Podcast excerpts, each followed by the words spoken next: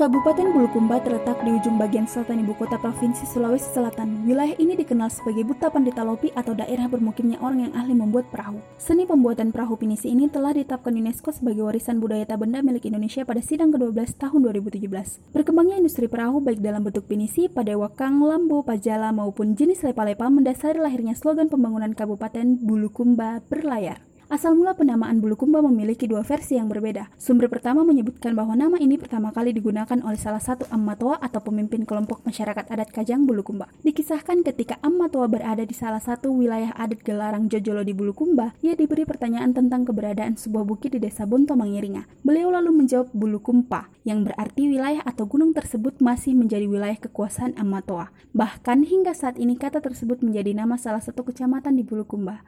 Sumber kedua berasal dari mitologi perang saudara antara Kerajaan Goa dan Kerajaan Bone pada abad 17 Masehi.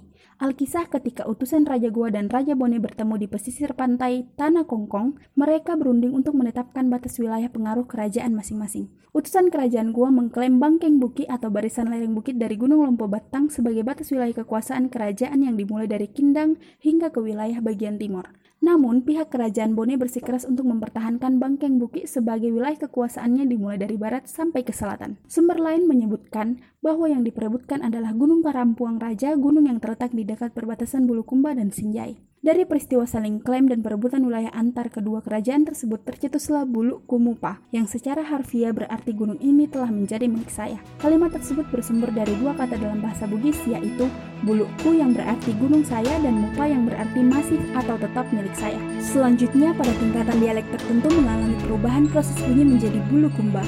Sejak saat itulah nama Bulu Kumba mulai digunakan dan resmi menjadi nama kabupaten sampai